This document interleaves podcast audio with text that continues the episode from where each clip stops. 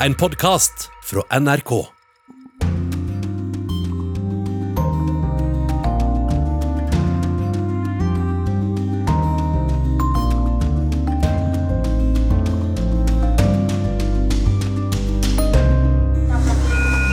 Oksygenflaskene tømmes i løpet av få minutter, medan køen av pasienter bare vokser på parkeringsplassen utenfor sykehuset i Galats. I Romania har ambulanser blitt venterom for koronasyke pasienter. Nå innfører landet portforbud og strenge restriksjoner. If you had to pay every bill what you got coming through your door, you wouldn't be able to feed yourself and do anything else. Gareth har et vanskelig valg, og han er ikke alene. Mange familier i Nord-England må velge om de skal ha varmeovn på eller bruke pengene på mat. Denne veka brøt regjeringa i Venezuela fredssamtalene med opposisjonen. Norge mekler og forteller for første gang om utfordringene i forhandlingene. I løpet av mine ganske mange år i Russland har jeg smakt på en god del sur russisk vin. Men det kan nå endre seg, for det skjer nemlig noe spennende i russiske vinkjellere. Det får du høre mer om i korrespondentbrevet. Velkommen til Urix på lørdag. Jeg heter Marte Halsør. I Romania er sykehusene stappfulle og pasienter dør i ambulanser fordi det ikke er plass. Denne veka hadde landet det høyeste tallet på døde i løpet av et døgn gjennom hele pandemien. Bare rundt 30% av befolkninga er fullvaksinerte, og nå ber styresmaktene alle om å ta vaksinen, og de innfører portforbud.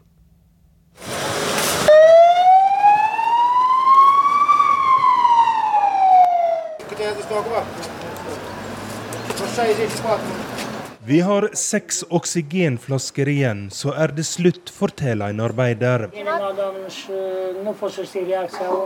Nei, jeg har ikke tatt vaksine. Jeg var redd, forteller en pasient i en ambulanse like ved. Det er rumensk kringkasting som har besøkt et sykehus i den rumenske byen Galats. TV-bilder viser ambulanser som står i kø utenfor akuttmottaket. Galats er ingen perifer landsby, men en viktig rumensk by med om lag 300 000 innbyggere, som ligger langs Donaus utløp til Svartehavet. Byen huser det største stålverket og skipsverftet i landet. Verre er det med helsevesenet, som lenge har trengt oppgradering. Og samtidig med at resten av Europa begynner komme seg ut av pandemien, er det slått katastrofealarm i EU-landet Romania. Vi har ikke opplevd noe som dette under de førre smittebølgene. 18 er døde det siste døgnet. Alle var uvaksinerte fortalte legen Mihai Polinski til rumensk kringkasting på tirsdag.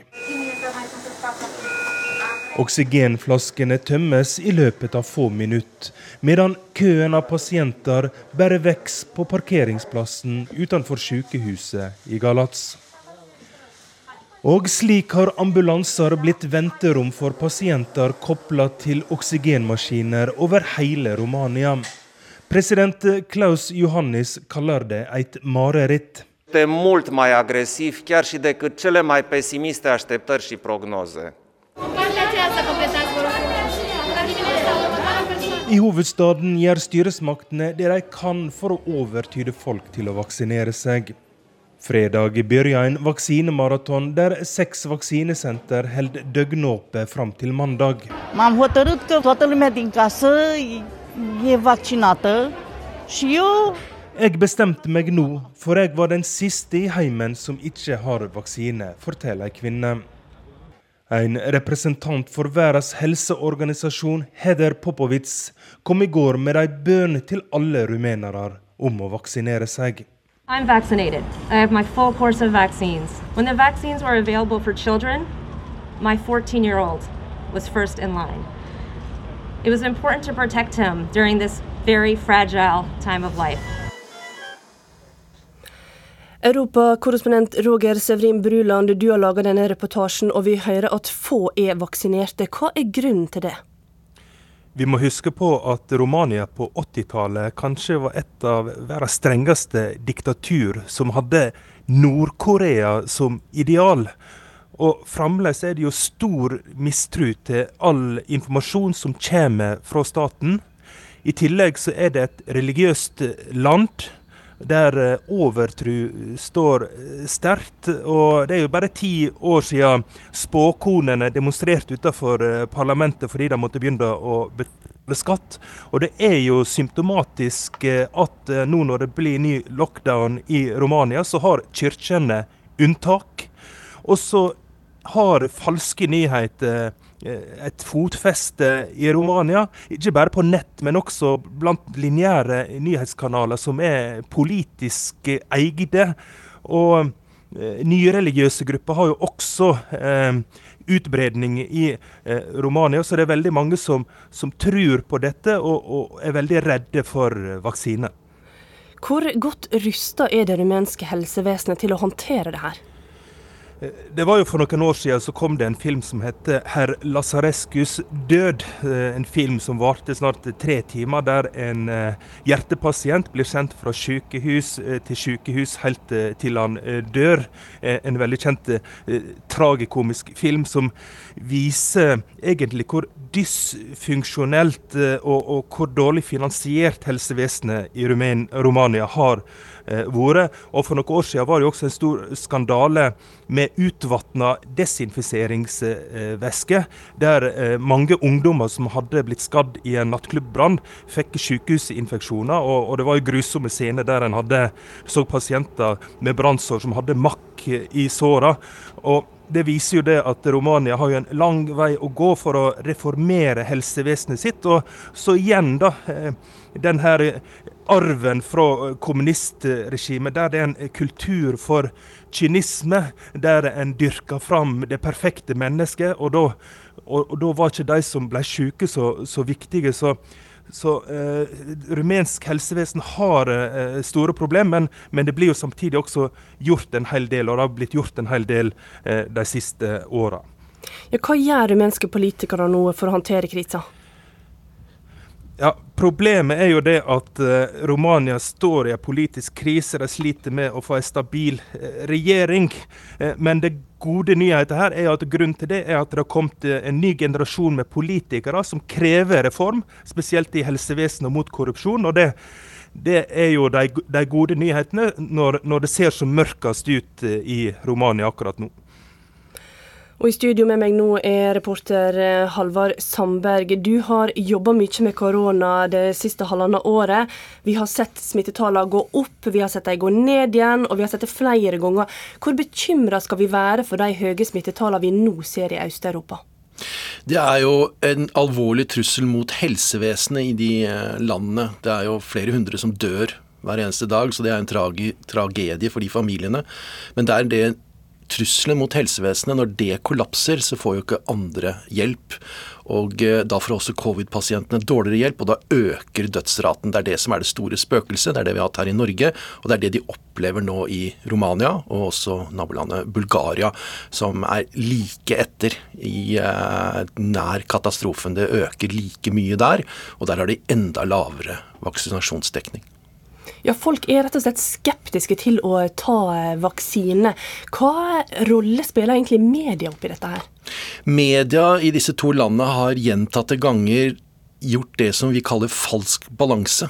Altså at du gir like mye plass til de som er vaksineskeptikere, eller faktisk har rene konspirasjonsteorier, som de som forfekter det, vaksiner deg, for det hjelper deg, det hjelper helsen din.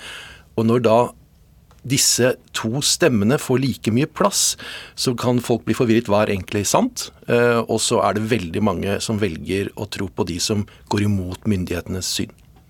Men så har vi da Storbritannia på den andre sida, der eh, det er langt flere som er vaksinerte. Likevel så har de høye smittetall. Hvordan henger det sammen? Det er slik situasjonen er. Eh, Storbritannia har omtrent like stor andel vaksinerte som Norge. Norge er litt grann høyere. Men dette her er den virkeligheten som vi går inn i. Uh, hvor uh, covid-19 er en endemisk sykdom, selv i de vaksinerte landene. Hvor uh, du kanskje må lære å leve med dette.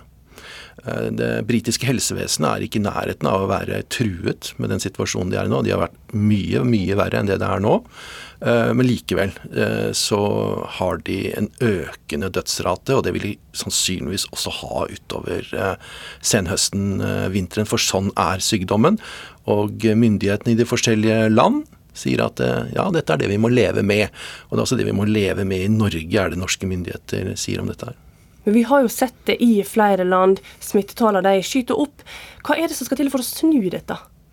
Spørsmålet er om det skal snus i det hele tatt. Fordi det her er slik viruset er, Opptre naturlig. Det er uh, valget mellom å stenge ned, og det er den denne ekspertgruppen i Storbritannia, SAGE, sier jo må stenge ned igjen. Uh, for dette her er ille. Det er, det er, for mye. Mens myndighetene sier at hm, jeg vet ærlig talt ikke.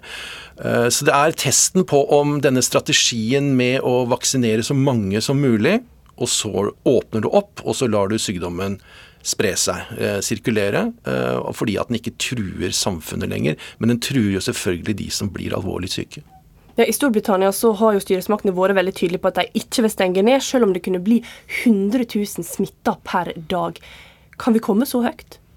Og ja, det kan det. De er på vei dit. At det kan bli 100 000 smitta per dag. Men i en vaksinert befolkning, så sier da helsemyndighetene da, i Vest-Europa og i Norge, Storbritannia, at det, i en vaksinert befolkning så betyr ikke disse smittetallene så veldig mye. Det er hvor mange som havner på sykehus.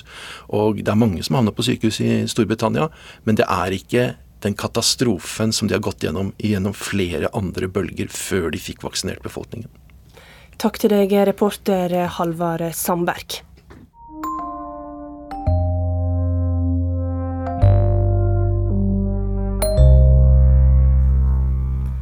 Forskjellene mellom fattige og rike er enorme i Storbritannia. Nå har pandemi, sjåførmangel og skyhøye gasspriser gjort en vanskelig situasjon enda verre for mange. Vår korrespondent har vært i et område av Nord-England der industrien er nedlagt, og det er få jobber for de som er ufaglærte.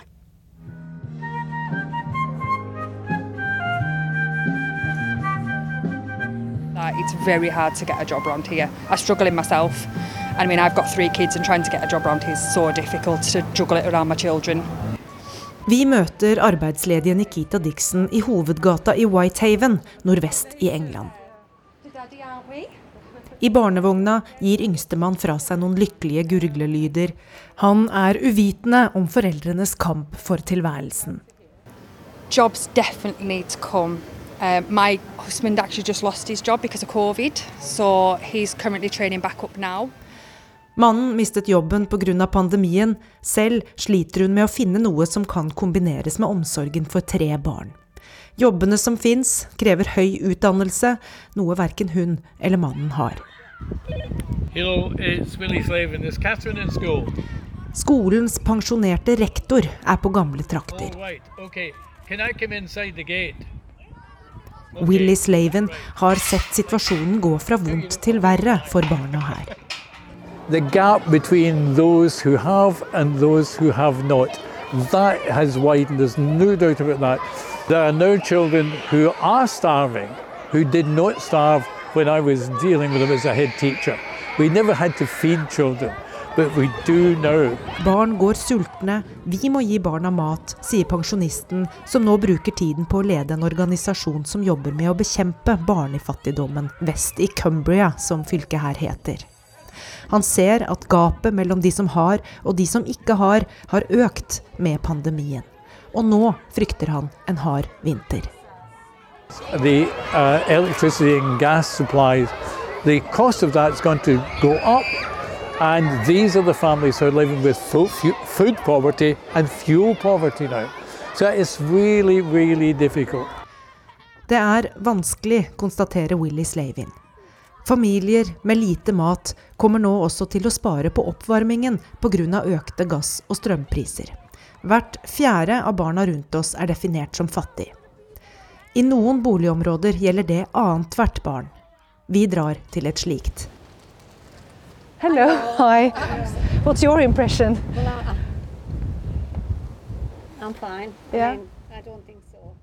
Men få der vil innrømme at de sliter. Vi er altså i et område som ble bygd for gruvearbeiderne i tidligere tider. Nå er dette et av de fattigste områdene i hele Storbritannia. De ser kanskje ikke så aller verst ut på utsiden, men det er jo livene på innsiden av disse husene som eh, er eh, vanskelige. It's all right area to live in, all but there's a lot of people out of jobs and, and stuff like that. There's, Gareth Harker sier det er et ok område å bo i. Men det er mange uten jobb. Han selv er en av dem. Han lever på arbeidsledighetstrygd, men den strekker ikke til. if you if you had to pay every bill what you got coming through your door, you wouldn't be able to feed yourself and do anything else. Kind. Hvis trygda skulle betalt alle regningene, så hadde man ikke hatt råd til mat eller noe annet, sier han. Må du velge mellom mat og betale regninger, spør vi. Yeah. Et dobbelt ja er svaret. I sentrum av den tidligere kull- og skipsfartsbyen Whitehaven er den økende fattigdommen noe som opptar lokalpolitikerne. Man skulle ikke behøve å velge mellom oppvarming og mat, sier Labour-politiker Emma Williamson. I tillegg til økte priser generelt, og på strøm og gass spesielt, kutter den britiske regjeringen denne måneden i trygden til nesten seks millioner briter, noe som rammer 3,5 million barn. Mange av dem som mottar slik støtte, er folk med jobb og inntekt, men som likevel sliter med å ha råd til de vanligste ting. It absolutely breaks my heart that in a modern society we've got people that can't afford the right size shoes. And, it, and it's awful. And I don't think the government realises that by taking that £20 a week away, you're taking a lifeline. Det er hjerteskjærende, sier Emma Williamson. At det i et moderne samfunn er folk som ikke har råd til å kjøpe sko i riktig størrelse. Trebarnsmoren Nikita Dixon løfter babyen opp av vognen og gir ham et varmt smil. Hun velger å holde motet oppe. Oh, we struggle from time to time, but kids get everything they need and we're happy enough. Det var korrespondent Gry Blekastad Almås som hadde vært i Whitehaven i Cumbria. Og denne saka kan du også se i Søndagsrevyen på NRK1. I Frankrike har òg flere fått dårligere råd under pandemien. Det har ført til at færre unge bruker prevensjon, samtidig som tallet på aborter har gått opp. Regjeringa har innsett at de må ta grep, og vil nå gi gratis prevensjon til alle under 25 år. Enfin Enfin Enfin, je ne vais plus payer euh, 40 euros euh, pour trois mois. euh. Äntligen! Nu behöver jag inte betala 400 kronor en gång i kvartalet för p-piller, säger jordmorsstudenten Roman Piron, som välkomnar det nya franska beslutet om gratis prevention för kvinnor upp till 25 år. Vi träffas vid järnbanestationen i staden Tours i Loiredalen. Lite längre bort spelar en jazztrio i den varma sensommarsolen. Just prevention är så lätt att välja bort när det manglar pengar i lommeboken, påpekar Roman. Financièrement, je ne pourrais clairement pas me payer euh, ma contraception. Enfin, ça serait, ça serait impossible. Ja, överraskningen var stor när Frankrikes hälsominister Olivier Véran häromdagen sa att ekonomiska förutsättningar ska inte påverka kvinnors möjligheter till prevention. Allmänheten var nämligen inte informerad om att regeringen arbetade just på den här frågan. C'est insupportable que des femmes ne puissent pas se protéger, ne puissent pas avoir une contraception, si elles en font le choix, évidemment, parce que ça leur coûte trop cher dans leur budget. Från januari nästa år kommer staten att täcka prevention, biologiska tester, recept för prevention samt rådgivning i frågan för kvinnor upp till 25. Det kommer att hjälpa Roman Pirons föräldrars lilla kassa, för det är de som stöttar henne ekonomiskt.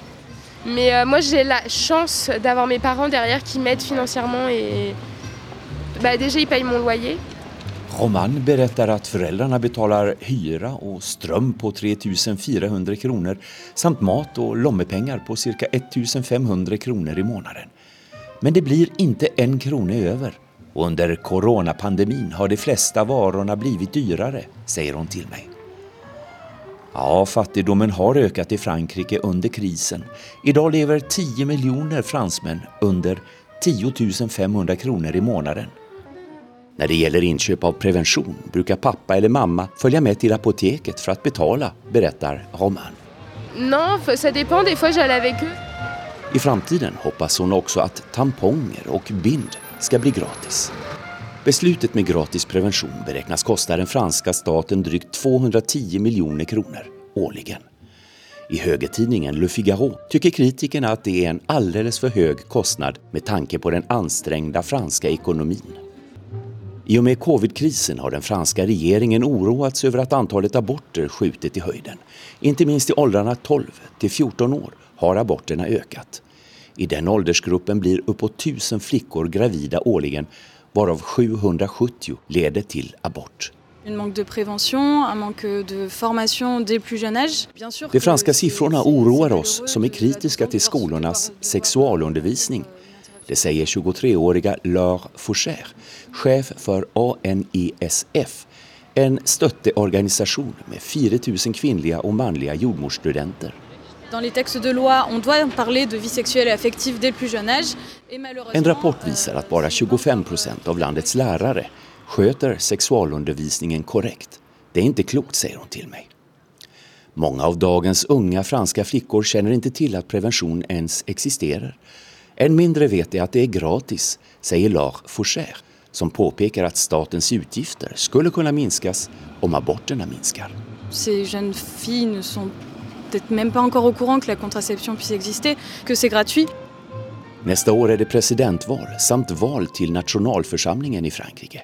Men, sier Romain Piron, jordmorsstudenten, regeringens plötsliga utspel i frågan kan mycket väl handla om att fiska röster inför nästa års så viktiga val.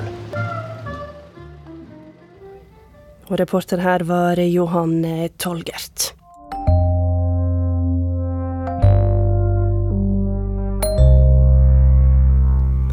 Det skal fremdeles handle om Frankrike og fransk politikk. Partileder Marine Le Pen fra ytre høyre kjenner seg sikker på at det er hun som skal utfordre president Emmanuel Macron i presidentvalget neste år. Det til tross for at hun har fått en konkurrent i den kontroversielle forfatteren Erik Zemmour, som stadig får flere tilhengere. Men da NRK møtte Le Pen i går, hadde hun ikke trua på at han kan vinne. Jeg tror at Erik Zemmour har ingen sjanse til å komme i second tour. Je vous le dis en même temps euh, par conviction et par expérience. Han har ikke en sjanse, sier Le Pen om mannen som er dømt for hatefulle ytringer, men som mange franskmenn likevel mener bør bli den neste presidenten i Frankrike. Og Europakorrespondent Simen Eken, du må fortelle oss litt mer om eh, hvem Eriks mor er. Ja, Erik Zemmour han er en eh, 63 år gammel journalist. Eh, Han har i mange år vært eh, en svært populær eh, TV-personlighet. Han har skrevet bøker. Den forrige boken hans solgte i over en halv million eksemplarer og het 'Det franske selvmordet'. Zemmour er opptatt av at det går eh, nedenom og hjem i Frankrike pga. Eh, for mange muslimer, pga. feminister, pga. radikale 68-ere og pga. alle som undergraver eh, konservative, eh, vestlige kristne verdier, sol. Il y a des classes populaires qui veulent se défendre. Vi står midt i en sivilisasjonskrig, sier Semor her. Folk vil ikke gi bort landet sitt til en islamsk invasjon. Han kommer altså stadig med nye kontroversielle utsagn. Han har bl.a. sagt at er en født i Frankrike, så må foreldra gi barna franske navn. Og han får mye støtte. Hvorfor det? Ja, Han får mye støtte nå. På en meningsmåling som, som kom på fredag, så har han 16% oppslutning, altså like mye som eh, Marine Le Pen.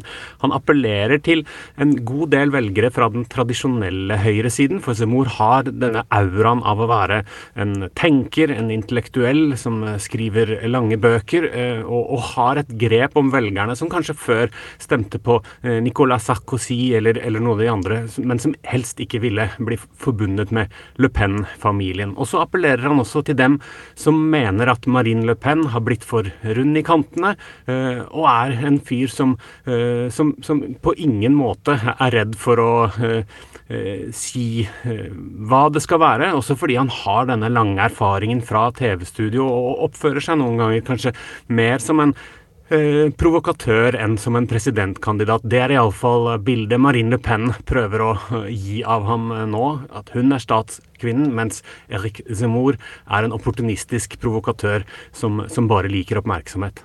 Men han har altså ikke lansert seg sjøl som kandidat enda. Hvorfor eh, har han ikke det når han så tydelig driver valgkamp?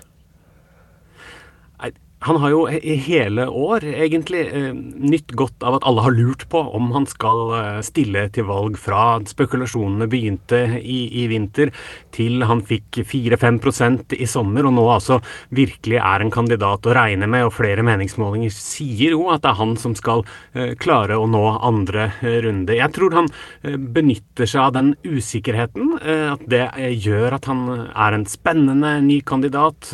han er jo også en som skiller seg fra de andre politikerne nettopp ved at han ikke har noe parti, og, og, og man vet ikke riktig hva han vil, og uh, man vet ikke riktig hva han kommer til å gjøre. Så, så den, den, den, det overraskelsesmomentet tror jeg han kommer til å holde på uh, så lenge han kan. Og så får han jo et ekstra boost når han da først bestemmer seg for å stille, antageligvis. Enda mer oppmerksomhet. Men Le Pen har ikke trua på at han eh, kan vinne. Hva er strategien hennes? Ja, hun har eh, virret litt og virket litt usikker, men nå har hun bestemt seg for, eh, virker det som, da jeg snakket med henne i går, at eh, hovedangrepet går på den sosiale eh, politikken til Erik Zemmour. Måten han snakker om velgerne. Zemmour har nylig sagt at Marine Le Pen, som jo har forsøkt å appellere til venstresiden ved å, å ta velgere fra tradisjonelle eh, arbeiderklassemiljøer i, i Nord-Frankrike f.eks., eh, Zemmour omtaler dem som en getto av arbeidsløse Masse, som er eh, Le Pens velgere, han er mer opptatt av borgerskapet, eh, som leser bøker og, og, og, og, drikker god vin.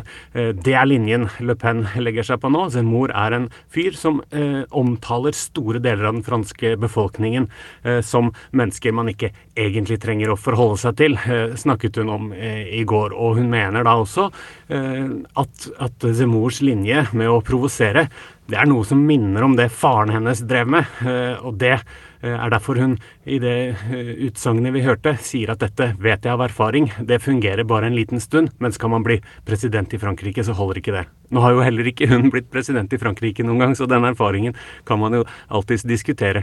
Men, men denne kampen har blitt ytterligere tilspisset de, de siste dagene, og ordkrigen mellom Zemmour og Le Pen. Takk til deg, europakorrespondent Simen Eken. Og presidentvalget i Frankrike det blir holdt i april neste år.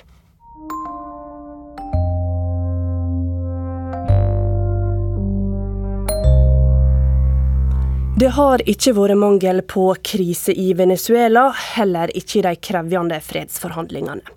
Denne veka brøt regjeringa i Venezuela samtalene med opposisjonen. Norge er mekler og har nå fått nok en brann å sløkke. Og for første gang snakker meklerne om hva utfordringer de står i. Fredsforhandlinger blir jo ofte karakterisert som å sykle. Du må holde sykkelen i gang hele tiden. Du må alltid ha noe fremdrift i, eh, i fredsforhandlingene. Stopper det opp for lenge, så velter, eh, velter forhandlingene. Dag Nylander holder i rattet fra norsk side, og prøver å styre unna fallgruvene og distraksjonene. Nei, sykkelen går litt langsommere fremover akkurat nå. Nosotros en protesta nos fuimos de México y punto. Después evaluaremos. Venezuelas president Nicolas Maduro er rasende og sier at de har forlatt forhandlingene i Mexico i protest. Han raser fordi en forretningsmann som sto Maduro nær, er utlevert til USA. Por ahora estamos indignados y protestando y enfrentando la injusticia. Fra et prosessperspektiv så er det klart at utleveringen kom på et verst tenkelig tidspunkt. Eh, dagen før en forhandlingsrunde skulle begynne i, eh, i eh, Mexico. Nylander landet til nyheten og måtte snu, men i bagasjen har han denne gang mer støtte internasjonalt for forhandlingsforsøkene. Og jeg har sett i løpet av de siste dagene ikke bare uttalelser fra USA i den retning. We support them. We continue to uh, support them. Men også russerne har vært ute og sagt at partene bør komme tilbake til bordet. Europeerne har vært ute, britene var nylig, nylig ute. Så, så, at det ikke skal være noen tvil hos partene at, at det internasjonale samfunn støtter en forhandlet løsning på konflikten. Siden midten av august har det vært formelle forhandlinger i et forsøk på å få Venezuela ut av en politisk, økonomisk og humanitær krise. De har støtt på flere hindre underveis. En av krisene sto Norge for selv. We are seeing grave human rights violations in many parts of the world. In Venezuela, under FNs toppmøteuke i september kritiserte Erna Solberg Venezuela fra FNs talerstol. Noe som tok flere diplomater på senga. Det, det var et intensivt uh, arbeid uh, som, uh, som, pågikk i løpet av en periode på 48 timer eller så i, i Mexico. Venezuelas regjering truet med å bryte samtalene også da. Nylander måtte innkalle til et sjeldent pressemøte for å beklage. Lamentamos que la reciente declaración en la ONU det ble stilt spørsmål ved Norges uavhengighet. Ja, det illustrerer jo på et vis um, noen dilemmaer da, for Norge når man tilrettelegger eller megler i denne type, type prosesser. Så i etterkant av uh, den kritikken som Erna la for dage i FNs generalforsamling, så var det jo helt avgjørende for oss å meddele partene at uh, det ikke var noe motstrid mellom det som ble sagt i generalforsamlingen og den norske upartiskheten i, uh, i forhandlingene. President Nicolas Maduro fornærmer en amerikansk talsmann og kaller ham idiot. Imbécil. Imbecile. Mm? Presidenten mener USA kopierer opposisjonens språk. Det er klart, De mest kritiske uttalelsene og de største krisene i en prosess er ofte de som får størst uh, oppmerksomhet. Men hvis man bare ser på de, så blir man ofte forledet. Dag Nylanders jobb er å se etter muligheter. Er i intensiv dialog med partene uh, med sikte på å få forhandlingene i gang så fort som overhodet mulig. Men det er også et press for å levere noe konkret snart som Venezuelas innbyggere kan merke. Vi skulle selvfølgelig alltid ønske oss at uh, fremdriften var uh, raskere. Det skulle også partene ønske. Vi jobber så fort vi kan, og partene virker genuine i sitt ønske om å komme frem til resultater. Og det var korrespondent i USA Anders Tvegård som hadde møtt Dag Nylander.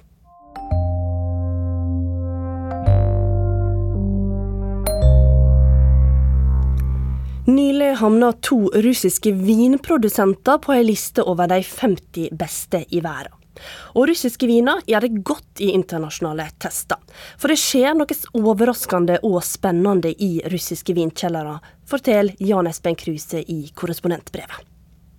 I løpet av mine ganske mange år i Russland har jeg smakt på en god del sur russisk vin. Det som tidligere ble produsert i Sovjetunionen og deretter i Russland, var sjelden en fest for smaksløkene. Men et bord dekket til lystig lag hadde ofte sprudlevinen sjampanskoje som et naturlig midtpunkt, som regel mer eller mindre søt. Russiske restauranter har jeg skrytt av i tidligere korrespondentbrev. Sist helg fikk flere av spisestedene i Moskva sine første stjerner fra en verdensberømt fransk restaurantguide. Det var etter min mening svært velfortjent og på høy tid. Jeg har vært på flere av disse stedene, og synes at de russiske vinene de tilbyr, ikke helt når opp til nivået på maten. Av og til går jeg innom en vinsjappe i nabolaget her i Moskva for å høre hva de kan tilby av russisk vin. Nylig ble jeg anbefalt en hvitvin av Riesling-druen produsert i regionen Krasnodar i Sør-Russland. Den var like dyr som en god fransk vin, men jeg slo til likevel. Da min kone og jeg smakte på den, ble vi overrasket. Den var frisk, fruktig og tørr, og helt på nivå med det beste de store vinnasjonene kan tilby. Det var ingenting å kritisere, det var bare å nyte. Litt senere leste jeg at denne og en annen russisk produsent hadde kommet på en liste over verdens 50 beste vingårder. Og den dyre Rieslingen som hadde blitt prakket på meg i vinsjappa, hadde fått en svært høy score på en internasjonal vinliste. Nysgjerrigheten ble pirret, jeg måtte finne ut hva som hadde skjedd. Fotograf Juri og jeg reiste til Krasnodar-regionen sør i landet. Vi ble tatt imot hos produsenten Sikori. Midt ute i vinmarkene står et hypermoderne bygg i glass og betong. Turister og andre interesserte blir vist rundt. Vinrankene og alt av produksjonsutstyr er kjøpt inn fra Frankrike eller Italia. Eksperter fra verdens største vinland har sikkert fått klekkelig betalt for å komme til Russland og dele av sine hemmeligheter. I vinkjelleren er det kunst på veggene og skinnende rent overalt. I rommet der prøvesmakingen foregår, er det glassgulv, sånn at gjestene kan se ned i produksjonsanlegget og vinkjelleren. Jekaterina Samsonova er turistansvarlig hos Sikori og forteller entusiastisk at produsenten ønsker å lage stor vin, og at de arbeider målrettet for å forbedre kvaliteten på sin Riesling og andre vintyper. Det er tydelig at de som arbeider her er stolte av det de lager, selv om de bare har holdt på i litt over ti år. Vinproduksjonen her ble satt i gang av Aleksandr Sikorski, som hadde blitt rik på å produsere fliser som brukes på fortau og i hager. Som en del andre velstående russere syntes han at utfordringen med å lage god vin var mer spennende enn produksjon av betongfliser. Sikorskis sekretær hvisket til meg at eieren vanligvis ikke gir intervjuer, men at han av en eller annen grunn har sympati for Norge. Derfor har han gjort et unntak. Sikorski understreket at han og medarbeiderne ikke har holdt på lenge, men de ønsker å utvikle seg raskt. De vil ikke bruke 300 år slik franskmennene har gjort, men de vil bruke andre lands erfaringer og tilbakelegge distansen i høyt tempo. For denne produsenten er det viktig å delta i internasjonale konkurranser. Det fører til oppmerksomhet rundt vinene deres også innad i Russland, der deres suverent største marked er. Men etter hvert håper de å øke eksporten. På en annen vingård er innhøstingen av druer til rød vin i full gang. Det er et stykke til nærmeste by, og de som arbeider her er glade for at de har sikre helårsjobber. Det er alltid noe som skal gjøres ute på markene. En av dem som klipper av drueklaser i rasende fart, vil bare oppgi fornavnet sitt, som er Lilia. Hun sier at arbeidet er tungt for ryggen og hendene, men at hun har glede av det hun gjør. Druene gir vin av god kvalitet, sier hun med et smil. En annen forteller at det er mindre druer i år enn i fjor. Årsaken er at det har vært mer regn enn det som er vanlig. Derfor har en del av druene råtnet. Druene som høstes nå, er av typen merlot. Når bøttene er fulle av druer, tømmes de over i kasser på lasteplanet til en traktor. Det høstes inn hele 1200 kilo druer per time. Hos produsenten Dalina Lefkadia går vinmakeren rundt blant et stort antall franske eiketønner i vinkjelleren.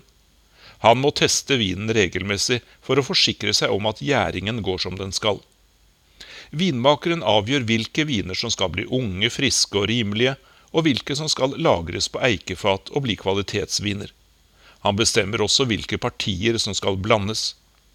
Roman Neborski sier at hemmeligheten bak det som skjer med russisk vin nå, består av flere ting.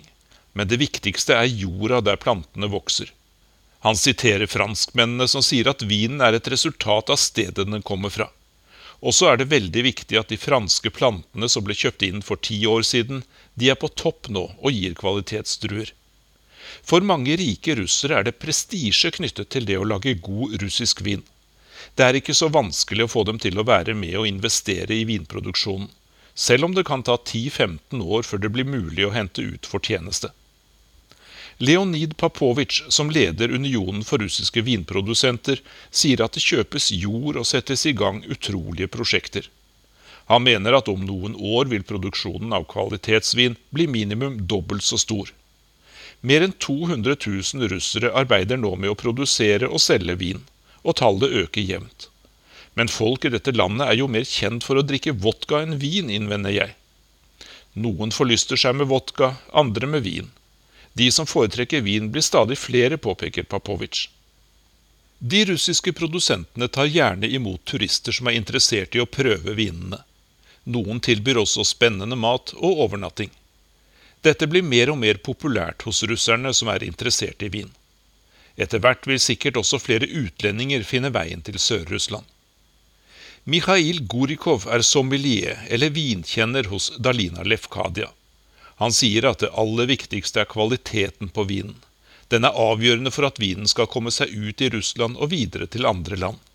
Vin som skiller seg ut, blir snakket om, og det er veldig viktig, sier Gorikov, mens han heller små porsjoner av produsentens toppviner i glassene.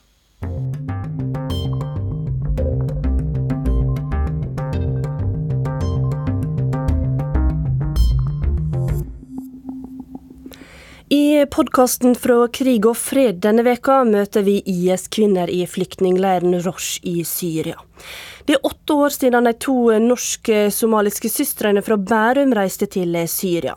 Nå vil de hjem, og har for første gang latt seg intervjue.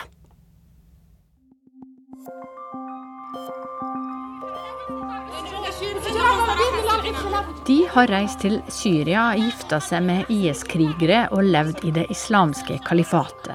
En shariastat med halshogging og brutale voldtekter. Kalifatet har blitt nedkjempa, og kvinnene lever nå fanga i kurdiske flyktningleirer. Og I forhold til IS sin eh, ideologi så må jeg bare helt klart og tydelig si ifra om at jeg tar avstand. Denne uka lot tre av de norske IS-kvinnene som bor i Al-Rush-leiren i Syria, seg intervjue. To av de for første gang. De forteller at de tar avstand fra IS og vil bli henta hjem. Men kan vi tro på de?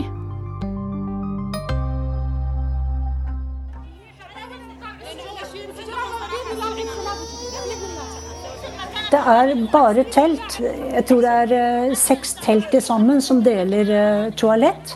Og så er disse teltene veldig eh, ordentlig satt opp da, på rad og rekke. Og så er det sånn støvete veier eh, mellom dem. Eh, og det er ganske oversiktlig. Og det er et gjerde rundt, det er vakttårn rundt. Og så har de en nyere del hvor de har folk som kanskje er litt mer radikale enn i hoveddelen. Jeg heter Sissel Wold. Jeg er NRK-korrespondent med base i Istanbul. Akkurat nå er jeg i Erbil i Irak, og jeg har nettopp vært i Syria på reportasjereise. Mye har vært sagt om hva disse kvinnene har gjort i Syria, men vi har hørt lite fra kvinnene sjøl. Hvordan har du jobba for å få de i tale? Ja, jeg har tenkt at det er veldig viktig eh, hva, hva, som skjer med disse norske statsborgerne som er i disse leirene, hvor de ikke har noen fremtid. Så jeg hadde lyst til å dra til leirene og møte dem. Eh, men for å komme til disse to leirene, det er Al-Hol-leiren, som er veldig stor, over 60 000 innbyggere, hvis man kan kalle dem innbyggere.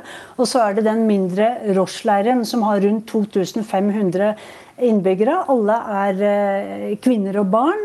Eh, kvinnene har vært med i IS, og barna har de da med IS-krigere.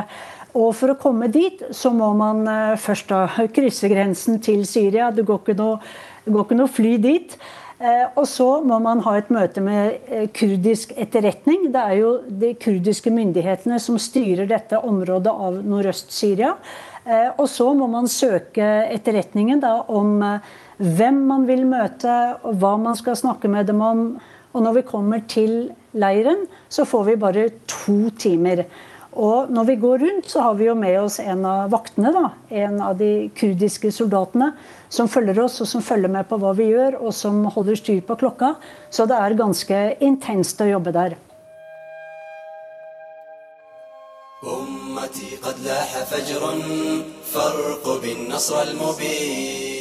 Vi elsker dere så høyt, og dere har gitt oss alt i livet. Vi er evig takknemlige for alt. Det er nå slik at muslimene blir angrepet fra alle hold, og vi må gjøre noe. Vi vil så gjerne hjelpe muslimene, og den eneste måten vi kan virkelig hjelpe dem, er ved å være med dem i deres lidelser og gleder. Det er ikke nok å sitte hjemme og sende penger. Med tanke på dette har vi bestemt oss for å reise til Syria og hjelpe til der nede med alt vi kan. Vi vet dette høres absurd ut, men det er hakk, og vi måtte dra. Dette er avskjedsmailen fra de to tenåringssøstrene fra Bærum til foreldrene. Høsten 2013 stakk de av til Syria, gifta seg med IS-krigere og levde i det islamske kalifatet helt til det falt. Vi kjenner søstrene fra boka til Åsne Seierstad, men hva som har skjedd med de i Syria? Hva slags rolle de har spilt i IS, det aner vi ikke. Ingen har fått det i tale, nå bor de begge i Rush-leiren i Syria, og der på et besøksrom lot de seg overtale til et intervju. Søstrene vil ikke at stemmene deres skal høres på lufta. I denne leiren så er det forbudt å gå med disse svarte nikabene som dekker hele ansiktet. Sånn at uh, storesøster hadde på seg et uh, mørkeblått uh, langt plagg. Og kanskje heldig for dem, da, så bruker de ansiktsmasker, sånn at de slipper å vise hele ansiktet sitt. og lillesøster hadde på seg brune klær, lange, flagrende gevanter og også ansiktsmasker. og De brukte hvite hansker. og Jeg vet ikke om det er fordi at de er redde for korona inne i leiren, eller om det er fordi at de er religiøse. Noe som er veldig viktig å huske på, er at uh, da jeg spurte om uh, jeg kunne få ta bilder av dem sånn som de ser ut, både søstrene og Aisha, så ville de ikke det. For de sa at hvis vi viser ansikt, og hvis vi f.eks. tar av oss nikaben, så får vi represalier eller store problemer med de andre kvinnene i leiren som er uh, mer radikale, som mener at uh, de som gjør det, og som snakker mye med pressen, de forlater islam, eller de forlater ideologien. Og derfor så er ikke vi fri, sa kvinnene til oss. Vi kan ikke si akkurat hva vi vil, og vi kan ikke gjøre hva vi vil når det kommer journalister hit. أمتي قد لاح فجر فارقب النصر المبين دولة الإسلام قامت Altså, når du velger å bli terrorist, når du tilslutter deg et bestialsk terrorregime som har lemlesta, drept, halshugd, voldtatt og begått forferdelige forbrytelser i Syrias i Syria. Hva sier de om dette i dag? Eh, søstrene sier at de følte at de ble lurt. Det var ikke det de kom for å være med på. Og terrororganisasjonen IS ble vel offisielt et kalifat i 2014. Eh, da eh, al-Baghdadi proklamerte dette kalifatet i Mosul. Mens eh, de sier at kalifatet Det var ikke noe kalifat da de kom i 2013. Aisha Shesadi sier at hun også føler at hun ble lurt, og at hun ikke fant det hun var blitt lovet, lovet, eller det hun regnet med hun skulle finne, det, det var ikke tilfellet da hun kom. Altså jeg fikk jo uh, presentert et rosenrødt bilde av livet i IS. Og samtidig som at jeg ikke ble informert om noe som helst av de negative sidene. Altså alle samfunn, både vestlige, asiatiske, overalt i verden. Alle samfunn har, og alle ideologier også for den saks skyld, har både positive og negative sider ved seg. Når det gjelder Aisha Shesadi Kausar, så var jo hun ganske kjent for eh, nordmenn før hun dro. Fordi at hun eh, var en forkjemper for eh, å gå med nikab hjemme i Norge. Et plagg som var ganske ekstremt for nordmenn på den tiden, og nok er det fremdeles. Men hun uh, vakte jo voldsomt uh, mye debatt da når hun reiste rundt på skoler og snakket om det å gå med nikab, at det er en rettighet man må ha. I forhold til nikab så kan jeg si det at jeg har vært her i Camp Roge i, i rundt to og et halvt år. Her er jo nikab forbudt. Så jeg har lært å tilpasse meg, og jeg tenker at jeg kommer ikke til å fortsette å bruke nikab om, om jeg returnerer til Norge. Og i forhold til IS sin eh, ideologi, så må jeg bare helt klart og tydelig si ifra om at jeg tar avstand. Jeg tar avstand fra, fra deres ideologi. I motsetning til Aisha Shizadi, som vi både har sett bilder av, og vi har eh, hørt henne uttale seg til eh, pressen flere ganger, så har vi ikke sett verken bilder eller hørt noe opptak av de to søstrene. Men hva veit vi om det som har skjedd med de de siste årene? Det de fortalte, var at eh, de ble giftet bort eh, veldig tidlig. De hadde ikke noe valg. Presset på å gifte seg var veldig veldig sterkt. Og de bruker ordet 'human trafficking', altså menneskehandel. Eh, og følte at de på et sett mistet kontrollen over sitt eget liv. Eh, jeg spurte hvordan de hadde overlevd alle disse årene med så mye vold og drap som det var i IS-kalifatet. Og denne uh, brutale også krigen mot IS, som varte ganske lenge. Uh, og de sier at de ble på en måte dratt med strømmen, nærmest. Og at eh, de trodde flere ganger at de kom til å dø. De var forberedt på å dø. Men eh, de har også overlevd med barna sine. Så de har eh, tre barn til sammen, tre døtre. Storesøster har to døtre, og lillesøster har én datter. Kan du prøve å beskrive hvordan så de ut, hvordan oppførte de seg? Ja, eh, for meg var det veldig spesielt å møte dem sammen. fordi første gang jeg traff dem for seks uker siden, så møtte jeg dem hver for seg. Eh, og da de satt sammen, så var det tydelig at de, de er veldig, veldig tett knyttet til hverandre. Eh, og den ene kunne begynne på en setning som den andre fullførte. Og de var veldig samstemt i hva de hadde opplevd. Og de har vært veldig mye sammen, og, sammen med barna. Eh, den første gang jeg traff dem, så var de veldig misfornøyd med at de bor i hver sin del av leiren. Og det er de veldig misfornøyd med.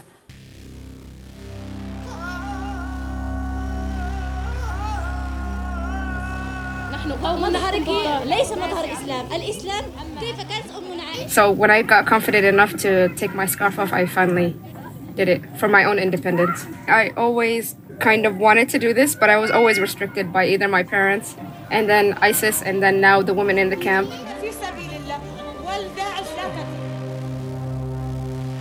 Du også bet meg merke i at du sa dette her med at de hadde på seg hvite hansker. Det er jo sånn typisk del av antrekket til en nikab-kledd eh, kvinne. Og så sa du at det er en sånn justis i leiren om at du må eh, være religiøs for å bli akseptert.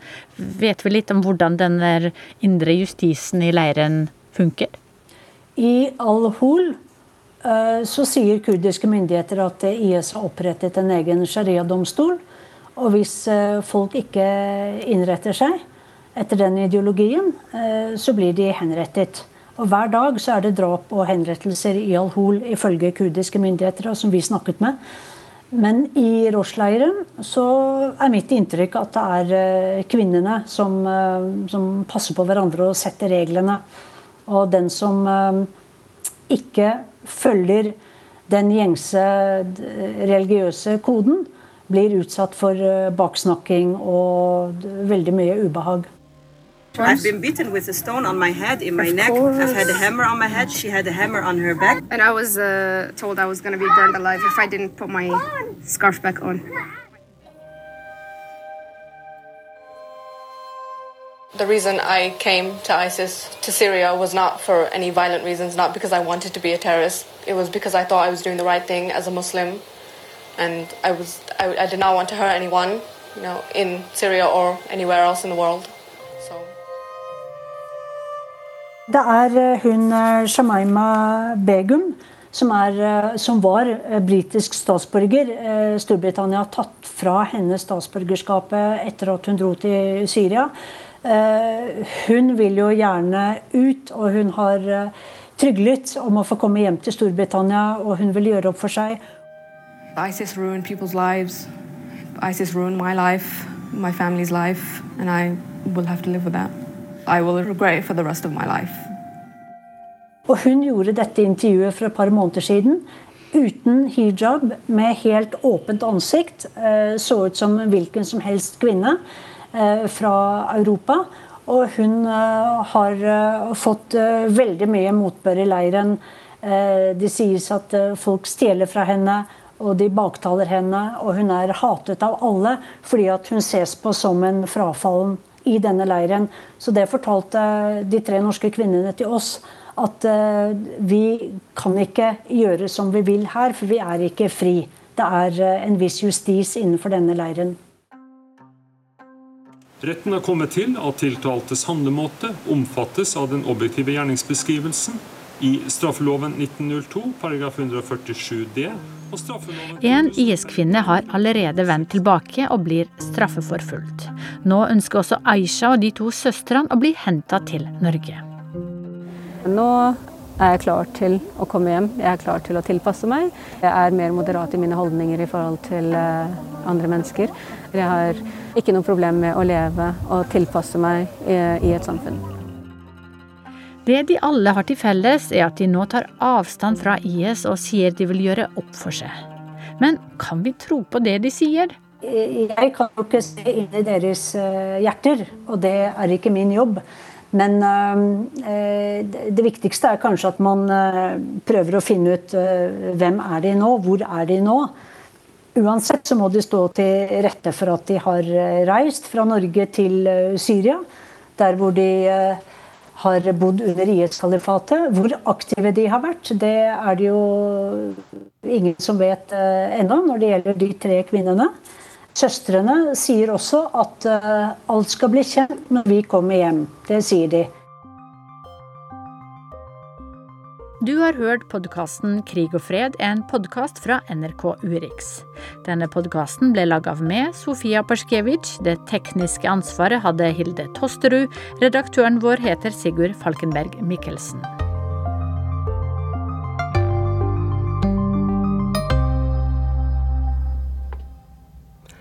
Og med det var denne sendinga med Urix på lørdag over for denne gangen. Teknisk ansvarlig for sendinga var Frode Thorshaug. Produsenten heter Erlend Rønneberg, og i studio Marte Halsør.